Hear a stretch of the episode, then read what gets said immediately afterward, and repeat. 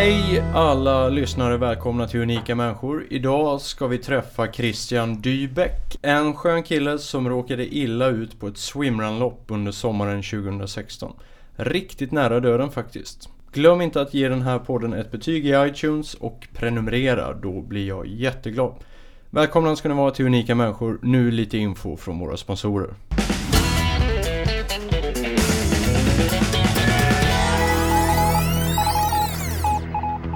Unika människor presenteras av Compressport. Kompressionskläder av högsta kvalitet. Som lyssnare får du en rabatt på compressport.se med koden UNIKA. Välj Compressport för snabbare återhämtning, förbättrad prestation och för att förebygga skador. Vitamin Manager. Du är fortfarande unik och ditt kosttillskott kan också vara det. Använd koden 2017 för din första leverans för 95 kronor. Buff på köpet till alla nyteckningar på rabattkoden. Välkommen till vitaminmanager.com. Apollo Sports är Sveriges största arrangör av träningsresor och erbjuder träningshotell för alla intressen och nivåer. Kolla hashtaggen Apollo Sports för senaste update på Instagram. Superfruit, Nordens ledande varumärke inom naturlig och ekologisk supermat och raw. På superfruit.com får du som lyssnare 20% rabatt med koden GOJI. Tack för att du lyssnar. Nu kör vi!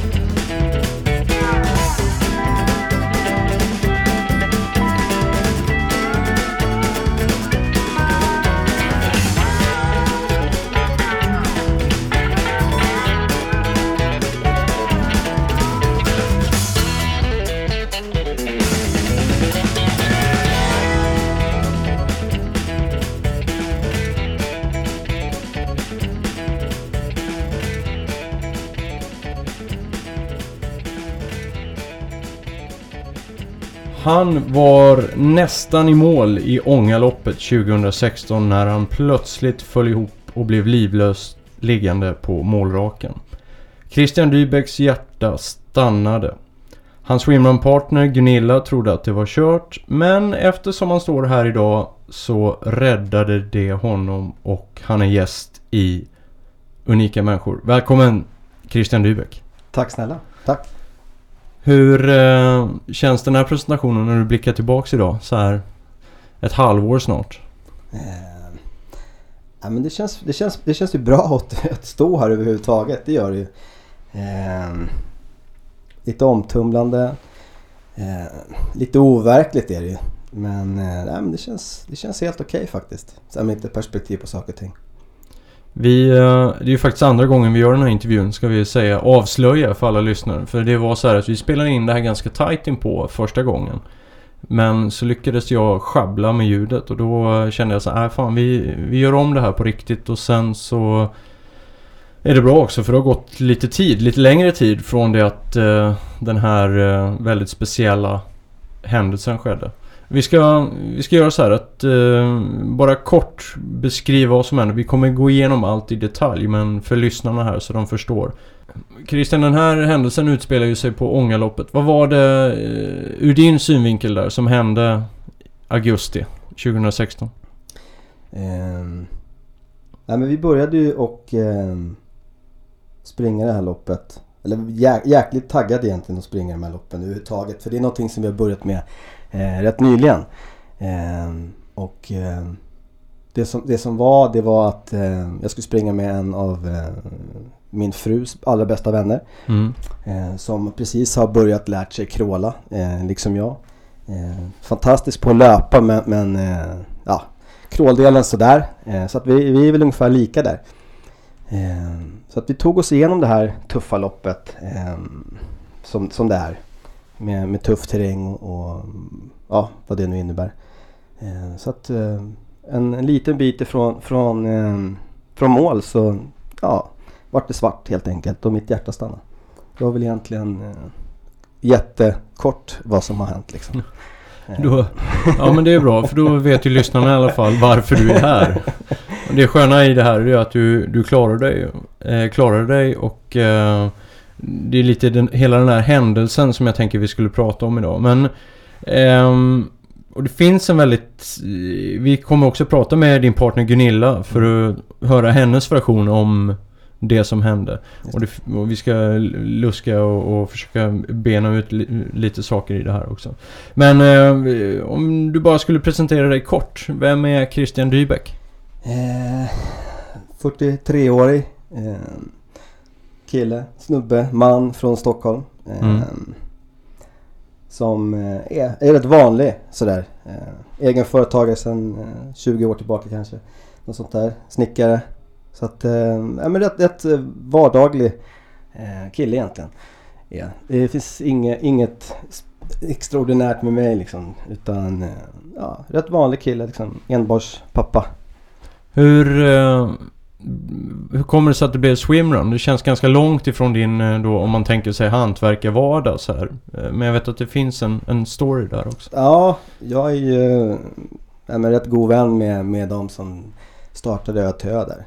Eh, och har varit följebåt egentligen. Eh, I princip varje år, inte riktigt men, men väldigt många år där ute. Och alltid tyckt att fy fan vad, vad, vad jobbigt det där ser ut. Eh, men alltid varit rätt fascinerad av det.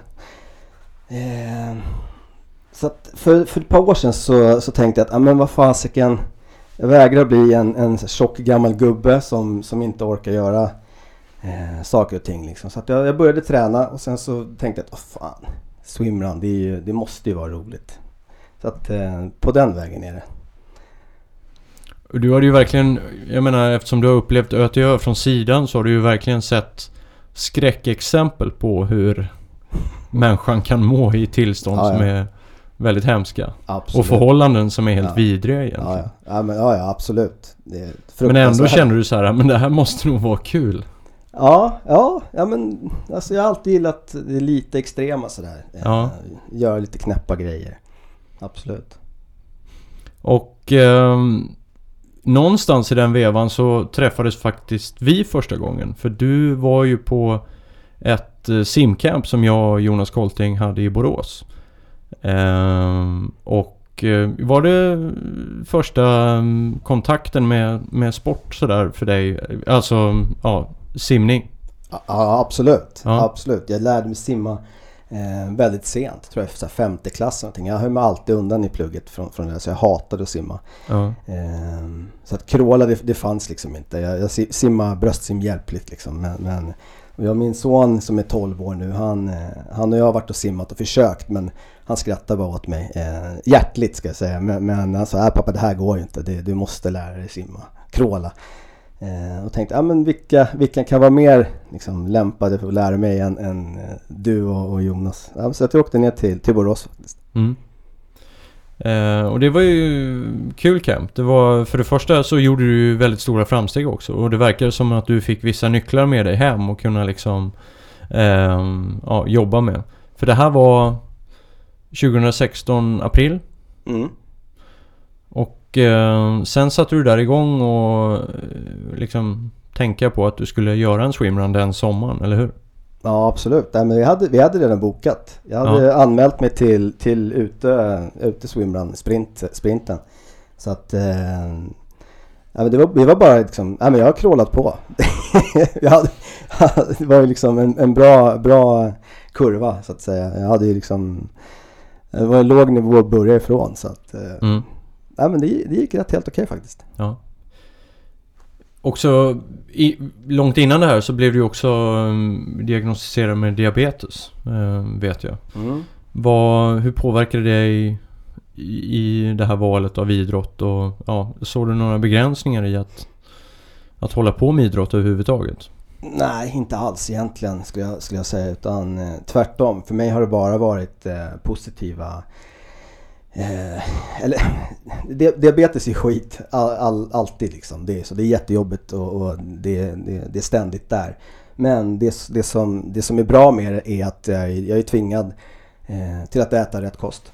Ja. Eh, bland annat. Och att motionera. Så att när jag tränar och äter rätt så, så funkar jag kanon. Så att jag, jag tror jag aldrig har varit så, så vältränad nu som...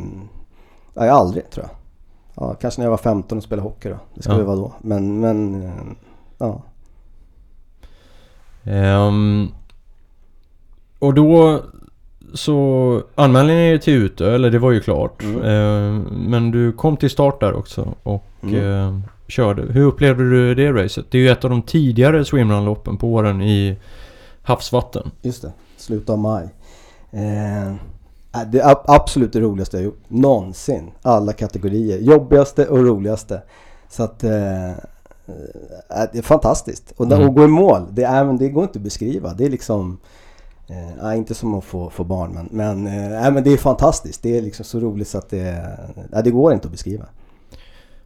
Och uh, minns du dina känslor inför det här loppet? Var du liksom nervös eller var, kände du så här bara... Som, som fan. Ja. ja, men det, all, alla känslor. Det var, ja, men det var fantastiskt. Det, det var nervös, förväntansfull, alltså spänd. Jag har ju sett då som sagt ö. Eh, så det går inte att jämföra med, med, med sprinten men, men eh, eh, jag vet ju att det är jobbigt. Liksom. Ja. Tufft. Och sen framförallt eftersom jag, jag simmar så jäkla dåligt. Och det är, det är lite sträckor att simma och det är ganska kallt. Ja. Så att eh, det, ja, men det var alla känslor. Mm. Hur, eh, hur väl tyckte du att du var förberedd inför utösprinten? Hy, hyfsat. Eh, eh, det är klart att jag kunde ha, ha tränat längre men, äh, men jag tänkte att jag, jag testar. Det, mm. hur, hur, hur, svårt kan det vara tänkte jag ja. säga. Men, eh, men jag hade förberett mig ganska bra. Jag hade tränat eh, allt annat eh, förutom simning då innan något år sådär. Mm. Hade jag. Eh, lagt om kosten och, och liksom löptränat och gymtränat och sådär. Så att, eh, hyfsat förberedd förutom simningen då. Ja. 50% bra. Den lilla detaljen. Den lilla detaljen. Men, eh, och du körde, körde du ute med samma tjej som du körde ångloppet med sen? Nej, Nej eh, det gjorde jag inte. Jag har egentligen en, en, en partner i, i swimrun-träsket. Fredrik Johansson. Fantastisk snubbe. Vi, vi simmar väl lika lika illa eller bra. Eh, och han är en bättre löpare än vad jag är, vilket är fantastiskt bra för mig. Han, han, han kan dra mig där. Eh, så att det är egentligen han jag, jag kör med. Eh, Gunilla var... Eh, vad ska man säga? Hon, nej, men hon, ville, hon ville också testa. Och, ja, mm. Absolut, självklart. Så, eh, och hon och jag är ganska lika i, i både sim och löpning. Hon är väl lite bättre i löpning där också kanske för sig. Men, eh, det kanske de flesta är. Eh, men så att, eh, ja. Var var vi?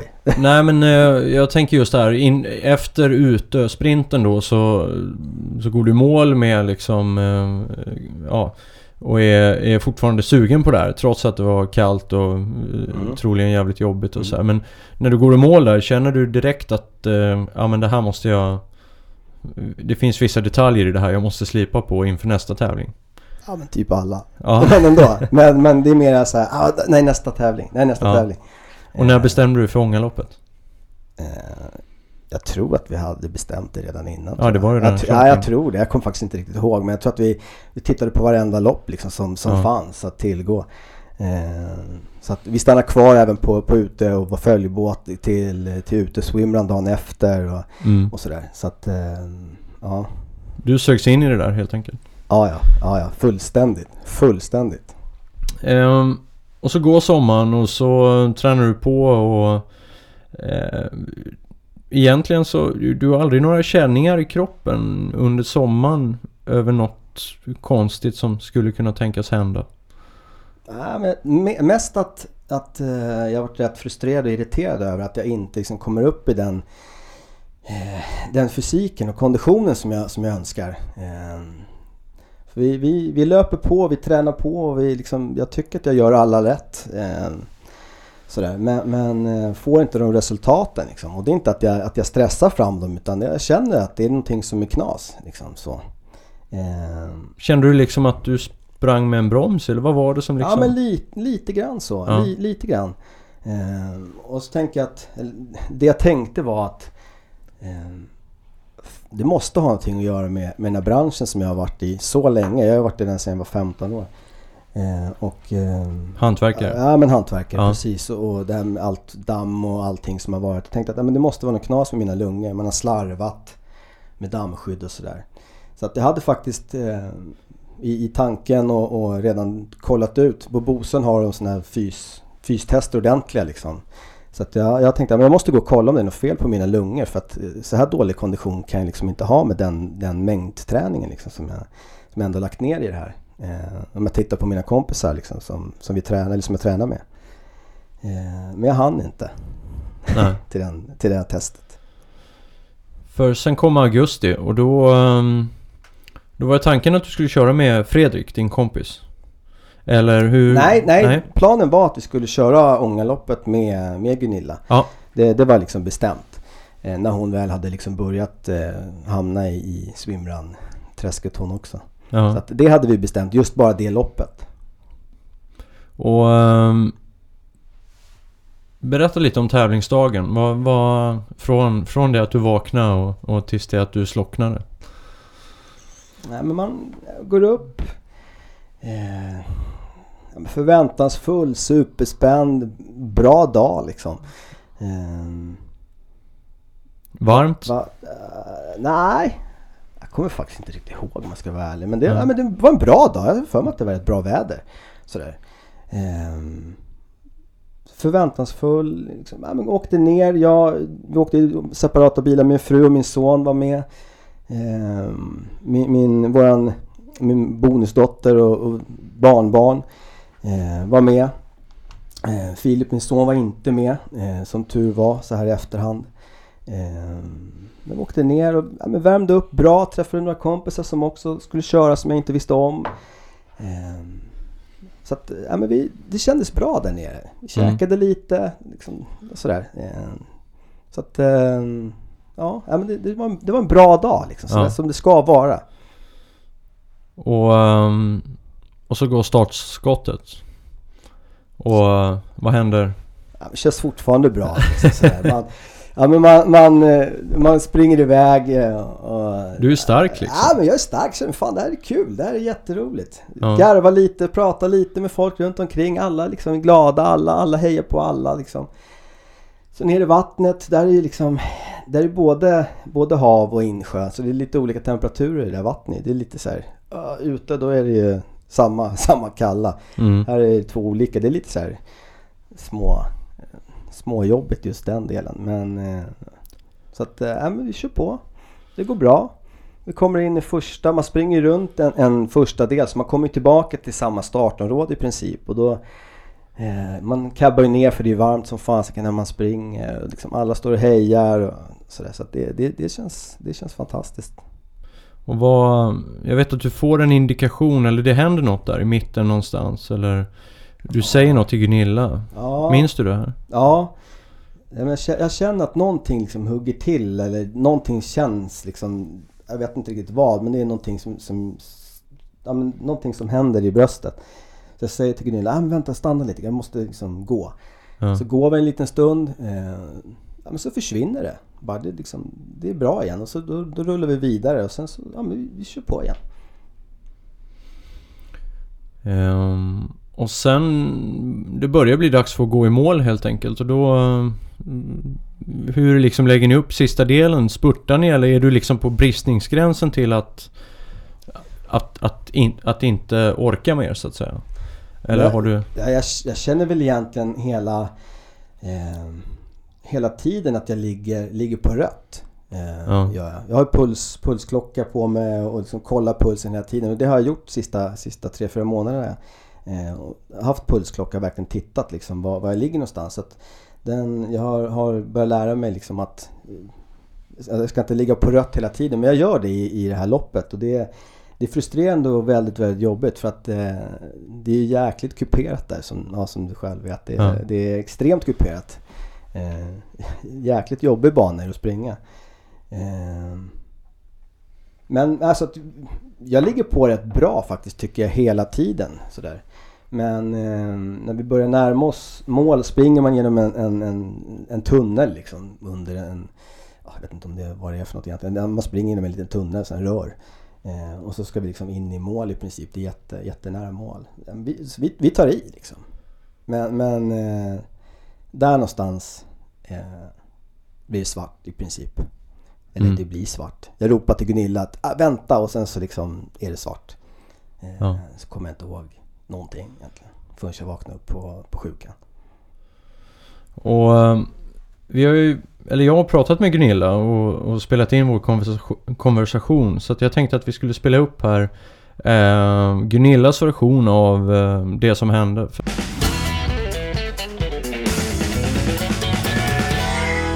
Det som hände var att eh, vi hade sprungit loppet. Han kände av sitt hjärta lite grann, att det hoppade och for lite grann sådär. Så vi stannade till några gånger och pausade. Men sen 100 meter fram till mål så hände någonting konstigt. Han känner av att han får något ont i magen upp till halsen. Och så stannar vi till igen och pausar och säger men nu kan jag springa, nu känns det bra igen. Och sen så bara säger han vänta lite så faller han ihop precis 100 meter innan mål och börjar krampa. Det är det som hände själva. Och där tänkte jag, vad är det som händer egentligen? Jag visste om att Christian har ju diabetes, insulinbehandlad diabetes. Så jag tänkte, men det här kan inte vara det. Det här är någonting annat. Han fortsätter och krampar och sen kommer fram, på något sätt så kommer fram en karl och hjälper mig och frågar vad är det som har hänt? Jag vet inte, han krampar bara, säger jag. Och sen lägger han av. Och när, Under när, du säger att han, när du säger att han krampar, då är han fortfarande vid medvetande så att säga? Han Alltså. är fortfarande vid medvetande, precis. Han är fortfarande medveten. Han krampar och som tuggar fragma nästan. Ja. Han håller på bara några sekunder. Och så tänkte jag så här, vad konstigt. Så- Sen lägger han bara av. Och nu har ju Christer, jag visste, visste om att han hade pulsklocka på sig och pulsband. Så jag frågade den här mannen som kom fram och eh, kolla pulsen, kolla på klockan man har med puls. Och då så kom han fram, jag känner ingen puls. Så tänkte jag på en gång, det här är någonting annat, det här är hjärtstopp. Och då körde vi igång hjärt och lungräddning på en gång. Och Gunilla, du eh, är ju relativt van vid sådana här situationer för jag förstår att du är sjuksyster. Jag är undersköterska på barnakuten, men har jobbat många år på vuxenakuten på Södersjukhuset. Jag är van med de här stationerna, det är jag. Absolut, jag är rustad till det kan jag säga att jag är. Och jag känner till det här gråblå är ingen bra färg. För det var precis som det var Christian hade, en gråblå färg och alldeles dassig i hela ansiktet. Jag tänker rent praktiskt så här hur han hade dragkedja fram på dräkten för ni är tvungna att öppna upp för att kunna ge ordentlig massage eller? Ja, precis. Det var jättebra att han hade dragkedjan framme, för då kunde vi dra ner den. För det som hände där då, för då började vi hjärt och lungräddning på en gång. Eh, han gjorde, eh, mannen gjorde inblåsning och jag körde kompressioner. Och så kommer fram en annan tjej från ingenstans, en blond tjej. Som, jag tror han kände den här, hon kände den här mannen som kom fram då. Så vi bett av hon och jag körde två minuter var. Och sen så så kom det en massa andra folk. Vi kunde, det, var det, som var så bra med den här dräkten då. Mm. Då kunde vi köra den här hjärt och lungräddningen på bra sätt. Annars är det jättesvårt att se var själva bröstbenet är någonstans. Vad, vad gick genom dina tankar när ni när ni Ja, liksom vad- satte igång det här och hur lång tid gick det? Eh, vi höll på nu rätt så länge. Jag brukar tänka, vi höll på nu kanske en, ja vad kan det ha varit, en tio minuter ungefär. Och det jag tänkte här, att det här tar för lång tid. Det var min tanke. Det här tar för lång tid. Vi måste ha en defibrillator, för det är den som räddar liv. Ja. Och eh, när vi står här, det var jag, och mannen och en tjej och en annan kille kom också fram och vi bötte av. Vi gjorde kompressioner två minuter var och så bötte vi av. Och så kommer sjukvården så frågar jag dem, vad är defibrillatorn någonstans? Det här tar för lång tid. Vi måste ha den nu för det är den som räddar liv. Men där fick jag inget svar. Nej. Och Jag frågade flera gånger, vad är defibrillatorn? Ni måste hämta den nu, nu, det är bråttom, det här tar för lång tid, kommer jag ihåg att jag skrek flera gånger. Men då tror jag den här mannen, han sprang upp till deras ambulans och hämtade den och satte igång den här och kopplade, kopplade upp honom på eh, den här handdefibrillatorn då. Bärbara. Och då kunde vi se vilken rytm jag hade att jobba med. Så vi defibrillerade honom två gånger gjorde vi. Och när man gör sån här massage då, bara för att lyssnarna ska förstå, då, Ja. då håller man alltså en person, för Christians hjärta i det här fallet, det hade stannat så att säga. Det hade, det hade precis, det hade stannat. Han hade hjärtstopp. Han hade antingen hade han ventrikelflimmer eller ventrikeltakardi. Och det är det du kan defibrillera på, ingenting annat. Så Och det, det, man gör med, maskinen läser av det. med den här massagen som ni gjorde och, och Ja. då håller man liksom, vad, är det cirkulationen man håller igång eller vad är det man Precis. Det- Själva hjärtmassagen, den bara håller själva syret i blodet igång. Det är det, det man gör. Och Ja. den måste vara rätt så djup. Man måste gå ner en 4-5 centimeter och det måste vara två minuter emellan och sen dit man ska kunna vara bra, bara en bra kompression. Men det är defibrillator, det är den som nollställer hjärtat och sätter igång den igen. Så det är den som, det är den som räddar livet. Ja. Och Det andra bara gör att, blodet cirkulerar. och när du säger att man går ganska djupt, för jag, pratade lite med Christian, han, eh, man knäcker både kanske ett och två revben när man går så här djupt. Ja, det gör man absolut.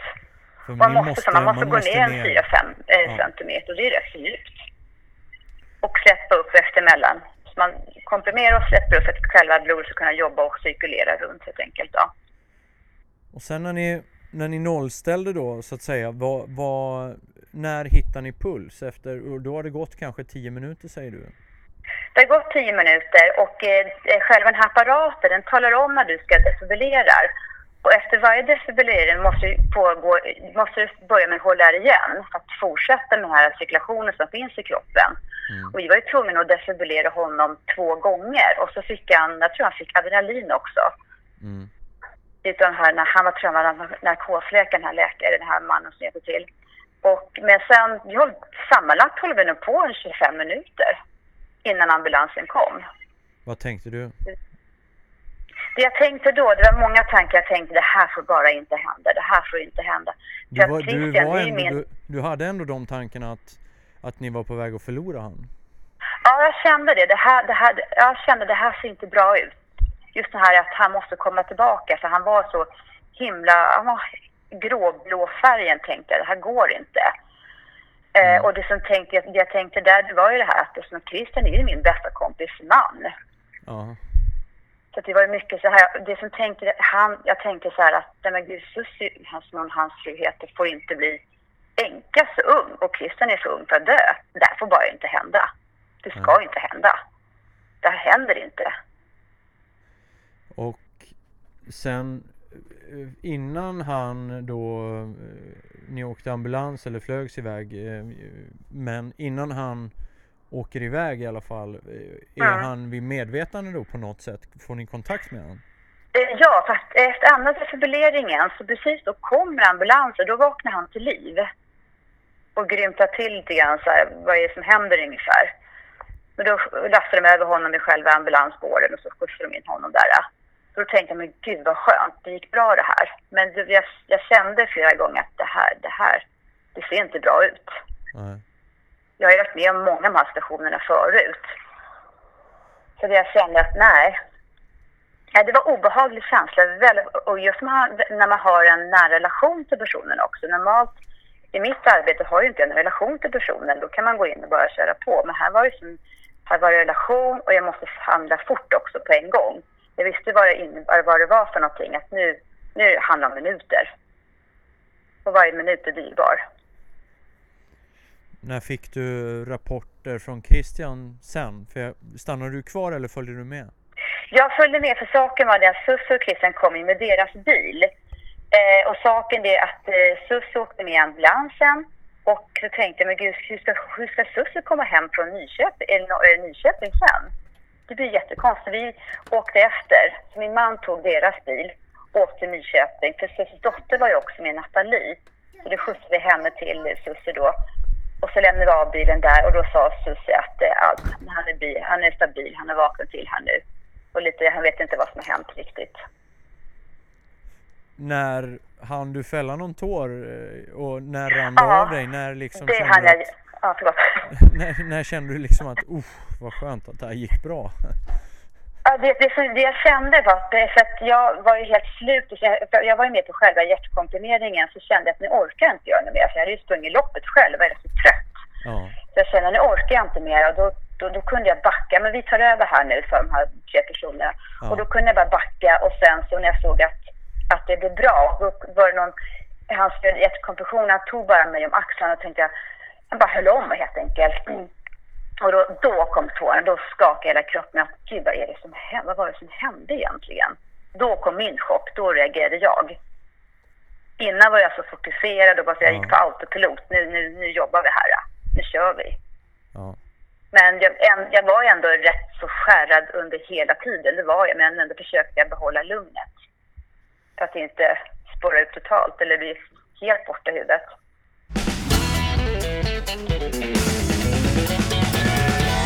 Ja, så där sa alltså Gunilla efter händelsen. Vad, när du lyssnar på det idag Christian, vad, vad tänker du? Shit.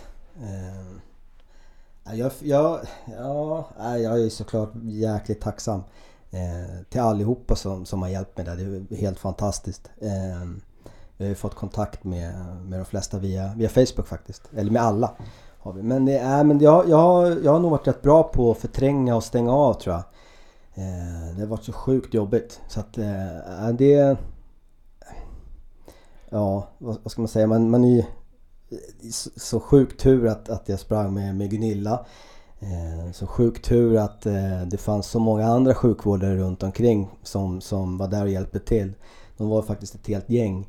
Så att eh, verkligen stort tack till, till alla dem eh, som var där och hjälpte till. Eh, ehm, så att ja, det, ja men det är lite, lite, lite ja, men det är jobbigt att höra såklart sådär när, när man hör eh, nära prata om en i, i eh, liksom, om en själv. Det är, Mm. det är inte liksom alltid som man, som man gör det, inte jag i alla fall.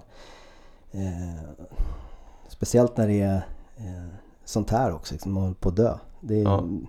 ja. men det är jobbigt, det är det. Det är jäkligt jobbigt.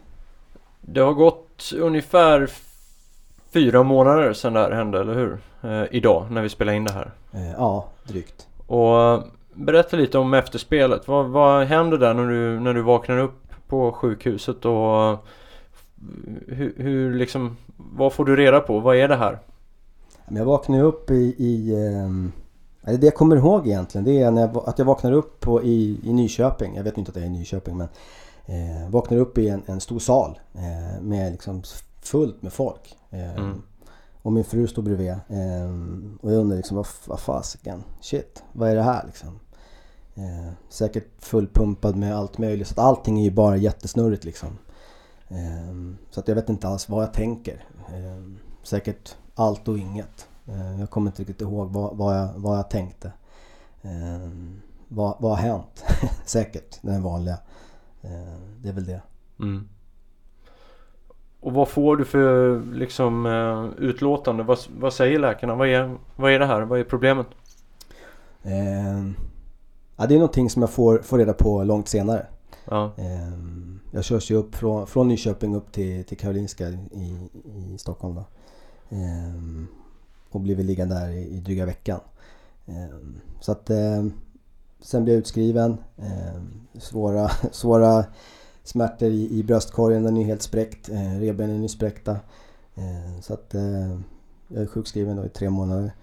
Eh, men under den perioden så, så går jag på sjukgymnastik. Eh, och det sjuka i det här är att jag liksom tänker fan jag måste liksom det här, det här hur ska jag kunna liksom köra swimrunlopp nu då? Det här går ju inte. Nej men det är helt absurt. Det är jätte, jättekonstigt. Men det är de tankarna som, som far i huvudet.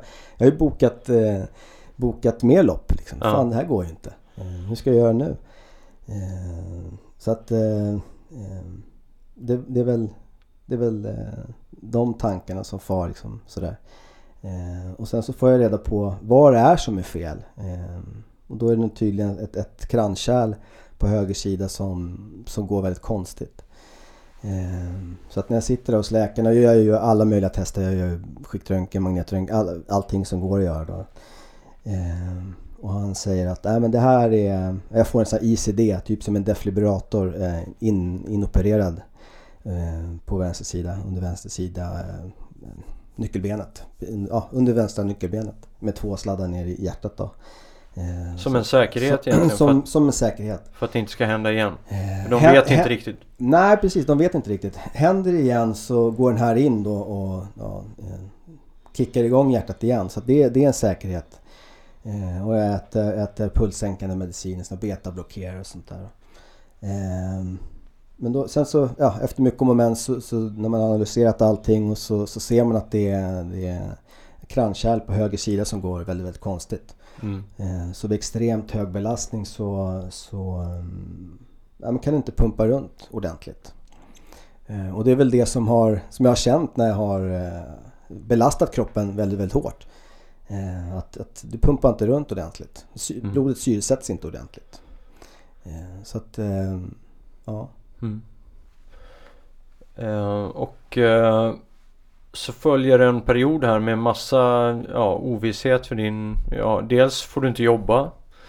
Eh, vad, vad det nu innebär. Ja, vad det nu Företagsmässigt, Liksom. du får inte köra bil. Och du har ju kört bil hela ditt liv. Ja, det- Och det är en stor del av ditt jobb Ja. eh, givetvis. Ja. Och träning är ju inte att tänka på riktigt i början där. Nej, inte. De tycker att jag ska träna. Eh, Ja.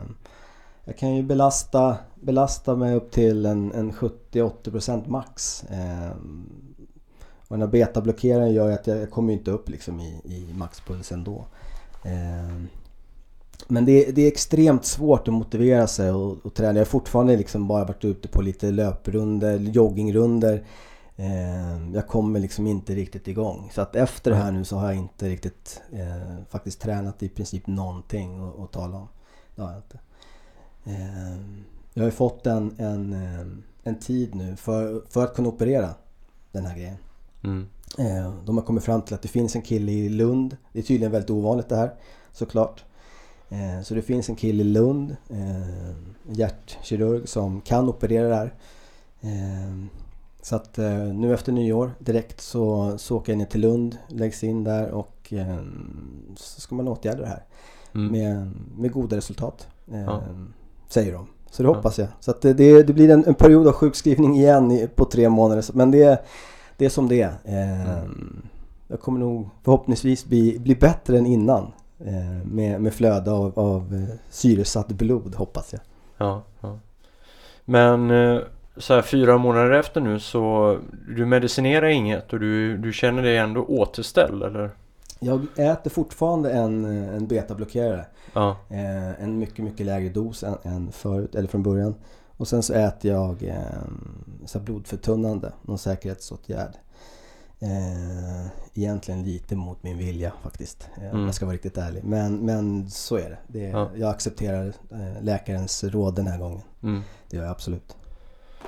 Och hur eh, Kände du någonsin någon eh, ilska eller liknande mot organisationen? Att inte de tog hand om dig? Eller vad, vad är din upplevelse kring det där? Fanns det, tyckte du att de skötte sig? Jag har ju ingen... Eh, igen, jag har inte sett hur de har skött sig. Nej. Eh, jag har ju bara fått höra, höra i, eh, på omvägar att de inte har skött sig riktigt som de ska. Eh, fram, eller de, framförallt den inhyrda eh, sjukpersonalen som var på plats eh, har inte riktigt eh, gjort vad de ska, vad jag förstår, enligt de andra. Då. Eh, har inte vetat vad saker och ting har funnits och sådär. Eh, så att eh, utan, jag tror att utan Gunillas hjälp och de andra eh, åskådarna som också var eh, de var ju både intensivvårdspersonal och, och all, all, jag men, sjuksköterskor och, och, läkare.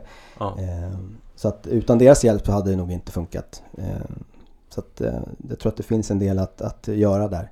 Eh, eller kolla upp i alla fall med, med de som man hyr in som sjukvårdare. Absolut. Mm.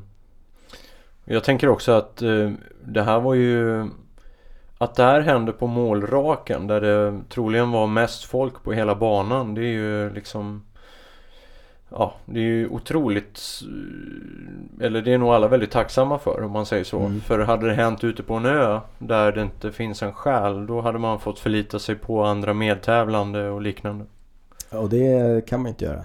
Eh, Nej, det, eller ja, nej, men nej, det, är nej, svårt men det, det är väldigt, väldigt svårt. Eh, jag menar, jag, jag hade, om det hade hänt Gunilla till exempel så hade jag inte, jag hade inte klarat av det. Inte en chans. Det hade inte funnits. Eh, men, men, ja. Men för efter sista intervjun när vi pratade så började jag faktiskt tänka, det är ju sådana här små saker som gör att man faktiskt själv börjar tänka efter på att uppdatera sina HLR eh, eh, kunskaper, läsa på lite extra. Det är så lite liksom som Mm. krävs för att man i situationen där man nästa gång när man springer över nu eller ja, själv är med i tävlingen och, och stöter på någon Jag menar drabbas man själv då, då kan man ju inte göra så mycket. Nej. Men man får ju räkna lite med att folk också runt omkring kan det här och, och kan hjälpa om det behövs. Och det är ju faktiskt något som den här Swimrun är ju väldigt utsatt på det sättet. Jag menar Mm. simmar du 100 meter fritt i en simbassäng så, så kan du räkna med att det finns folk där och det finns defibrillatorer eh, och så vidare. Men Mm. ute på öarna är det ingen som hör dig skrika. Nej, det är ju rätt långt emellan ibland. Så man Ja. löper ju rätt ensam. Så, Ehm, så att eh, absolut, det, det finns massor att göra. Mm. Eh, det, det gör det. Framförallt, jag, jag själv har ju inte ens gått den här hjärt och lung eh, räddningsutbildningen. Så jag, jag, jag kan inte det och jag har inte gjort det än. Men jag ska väl faktiskt göra det.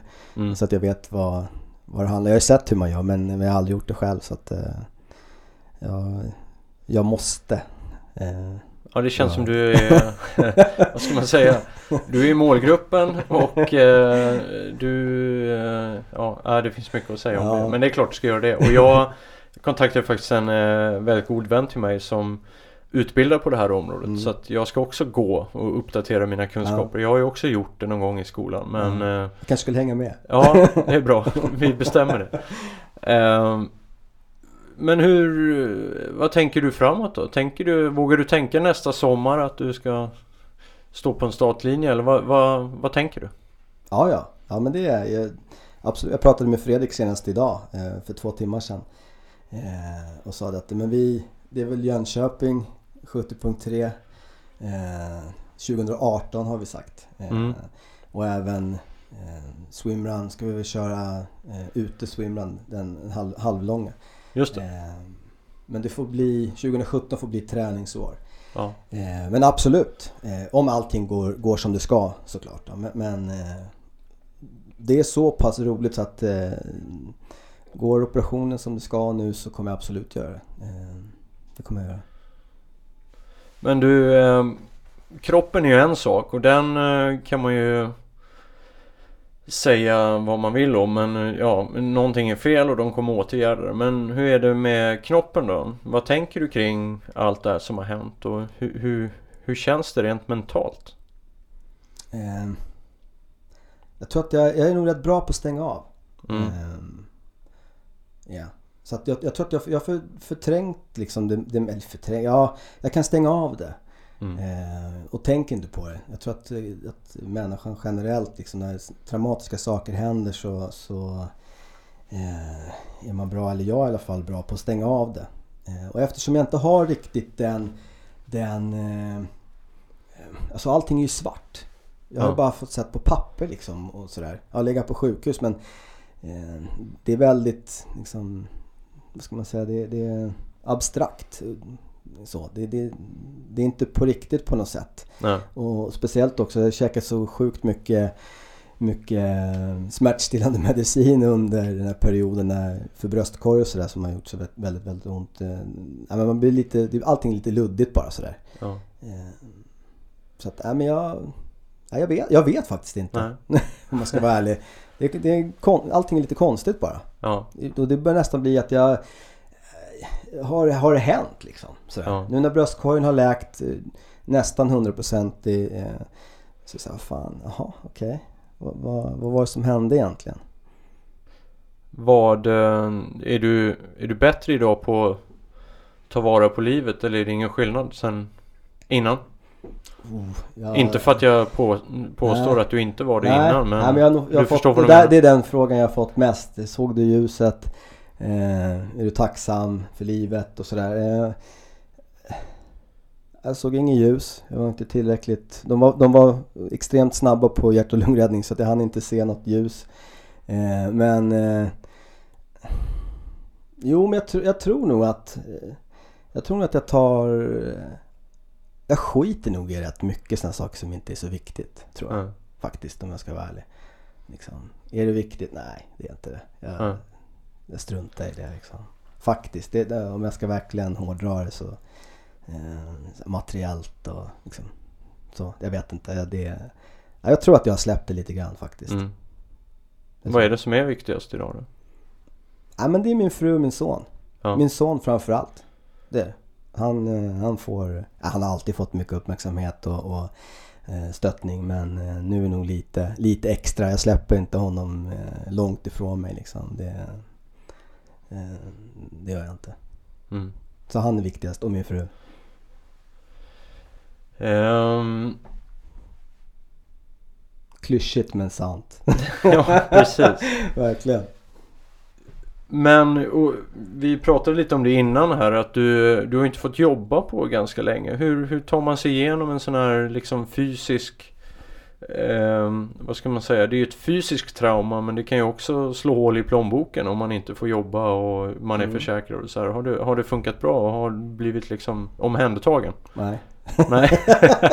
nej, nej.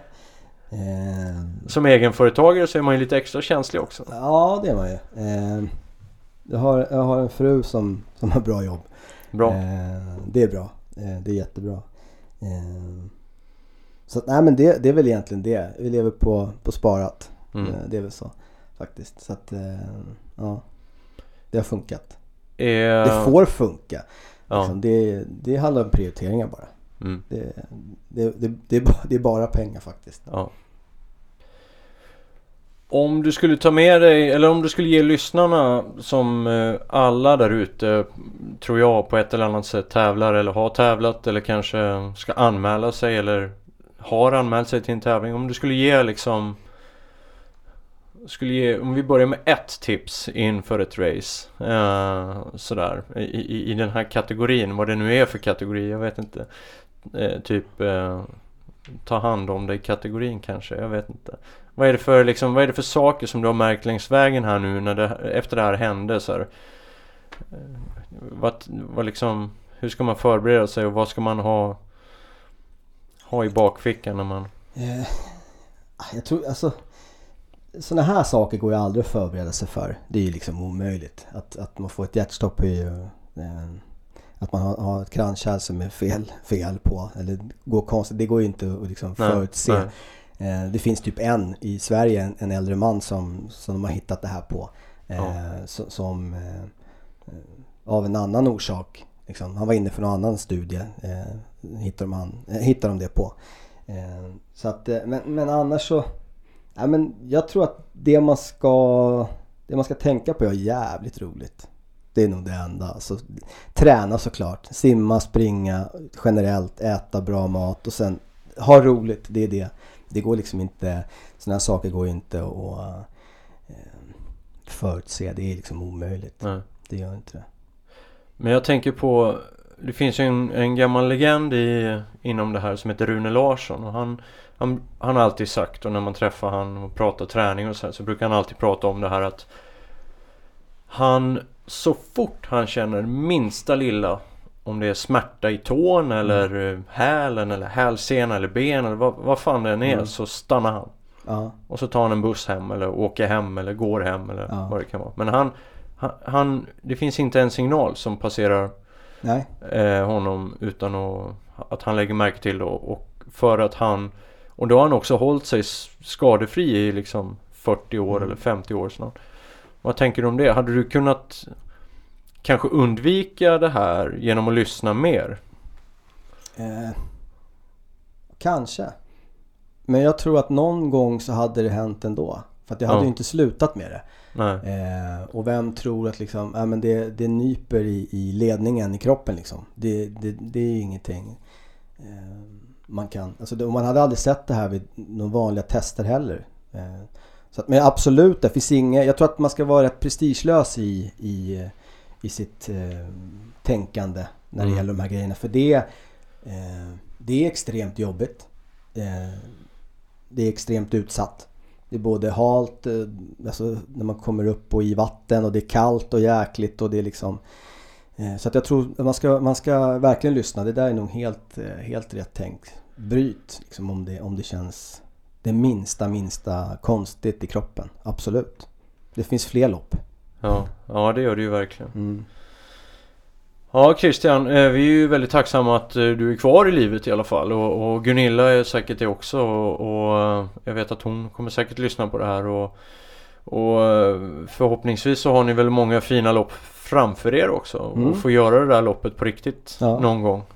Det, ja, jag, vet, jag vet inte. Jag tror att Ångerloppet kommer jag nog aldrig göra. Alltså, Nej, det är tror för mycket dålig karma kanske? Ja, jag tror det. Det är nog, det kommer jag nog aldrig göra. Nej. Faktiskt inte. Eh, det håller jag mig nog ifrån. Men jag ska nog göra många andra. Är du skrockfull annars? Nej, inte ett smack. Nej. Inte religiös och inte skrockfull, ingenting. Eh, Har du inte blivit lite religiös ändå i och med det här? Känner du inte att han klev ner någon gång? Och... Nej, Nej, nej. känner inget sånt. Nej men någon, själa kan jag nog tro liksom att det, det kan finnas. Men nej, men nej, ingenting. Där hör här- ni alla ni som tror. det finns ingen. Finns ingen. Nej. men jag tror, nej men det var ju knappast en gubbe där uppe som räddade mig. Det här var ju liksom Gunilla plus de här fem andra fantastiska människorna. Eh, som räddade mig. Eh, Ja men exakt, det är det jag menar. Ja. Tänker du inte så här då, men hur kan alla de där människorna varit där och då på den platsen och det hände inte på ön innan utan det hände där. Då börjar jag tänka liksom så här Mm. att fan vilka jävla all, alla de här liksom tillfälligheterna. Mm. Det är lite otroligt men jag är ju Ja. jag är också ateist så Ja. men ehm, ja, det är ju det Ja, kanske man kanske, ja, men, ja, man kanske ska bli lite religiös. ja. Jag tror att det var Ernst Kirchberg som bestämde det här. Martin Timell.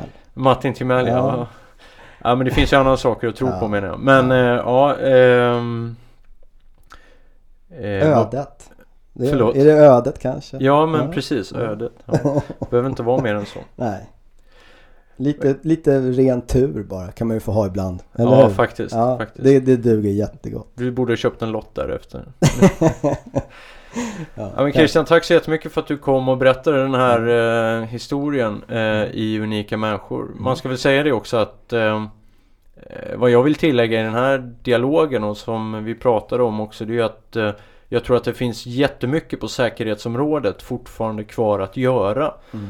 eh, för många arrangörer runt om i landet och ut i världen. Men om vi behåll, eller om vi stannar i Sverige så tror jag att eh, det här området är ju Jag vet att många är jätteduktiga på det men när det kommer en ny sport sådär, swimrun så Finns det också mycket nya grejer att lära sig rent organisationsmässigt och den här naturen och terrängen man rör sig i är ju väldigt otillgänglig. Jag menar vissa av de här ställena kan du nästan inte lägga till med en båt vid. Och det Nej. vet ju du som har Ja, nej det Eh, och, Så att antingen måste du simma i land eller så får du ta en gummijoll eller flotta eller Mm. någonting och ta dig in. Alltså det är otroligt komplext Mm. och det faktum att inga tävlande bär med sig kommunikationsutrustning.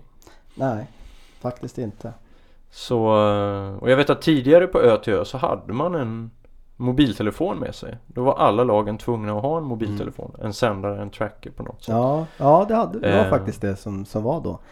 Eh, Men nu, eh, nej det, det, och det är klart Spelar man djävulens advokat så kan man ju börja liksom tänka i alla de termerna vad som skulle kunna hända och det, det är ju dumt att börja i den änden kanske. Ja, Men, fast, ja, ja. Jag tror att man behöver göra det faktiskt. Jag tror att man ska ha en tracker på sig.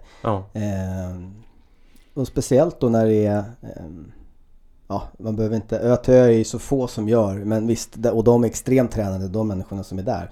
Eh, men det är ju, det är bara exploderat med, med lopp liksom sista åren bara. Eh, och jag vet inte om det har med ekonomi eller okunskap att göra men det, jag tror att man, det finns en stor ett stort jobb att göra där precis som du säger, absolut. mm. Eh, ja vi lämnar den diskussionen och ehm, säger så helt enkelt. Tack Christian för att du kom. tack själv. Du har lyssnat på podden Unika människor med Jojje Borssén i samarbete med Compress Sport, Vitamin Manager, Apollo Sports och Superfruit. Glöm inte att ge podden ett betyg i iTunes. Sprid podden genom hashtaggen unika människor. Tack för att du lyssnat!